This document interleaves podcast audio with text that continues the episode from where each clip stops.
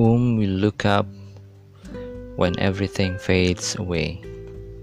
Matthew chapter 6, verse 25 until 34. Therefore, I tell you, do not be anxious about your life, what you will eat or what you will drink, nor about your body, what you will put on. Is not life more than food, and the body more than clothing? Look at the birds of the air. They neither sow or nor reap, nor gather into barns, and yet your heavenly Father feeds them. Are you not of more value than they? And which of you, by being anxious, can add a single hour to his span of life? And why are you anxious about clothing? Consider the lilies of the field, how they grow. They neither toil nor spin. Yet I tell you, even Solomon, in all his glory, was not arrayed like one of these. But if God so clothes the grass of the field, which today is alive and tomorrow is thrown into the oven, will He not much more clothe you, O you a little faith? Therefore, do not be anxious, saying, What shall we eat? Or what shall we drink? Or what shall we wear? For the Gentile seeks after all these things, and your heavenly Father knows that you need them all. But seek first the kingdom of God and his righteousness, and all these things will be added to you.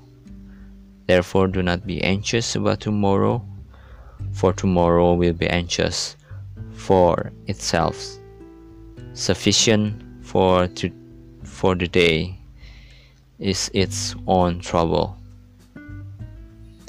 The next step on this move, Jesus continue point, points out that the failures of these mortal things.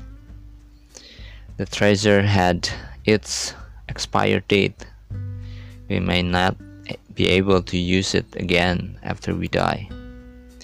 He also points out that God provide all these mortal things for his creation. Those who are worried will not see they are God who provided. Jesus did not despise the usefulness of these mortal things, food, clothes, etc., but also did not emphasize them above all things. Yet he magnifies the source of all these things come, comes from.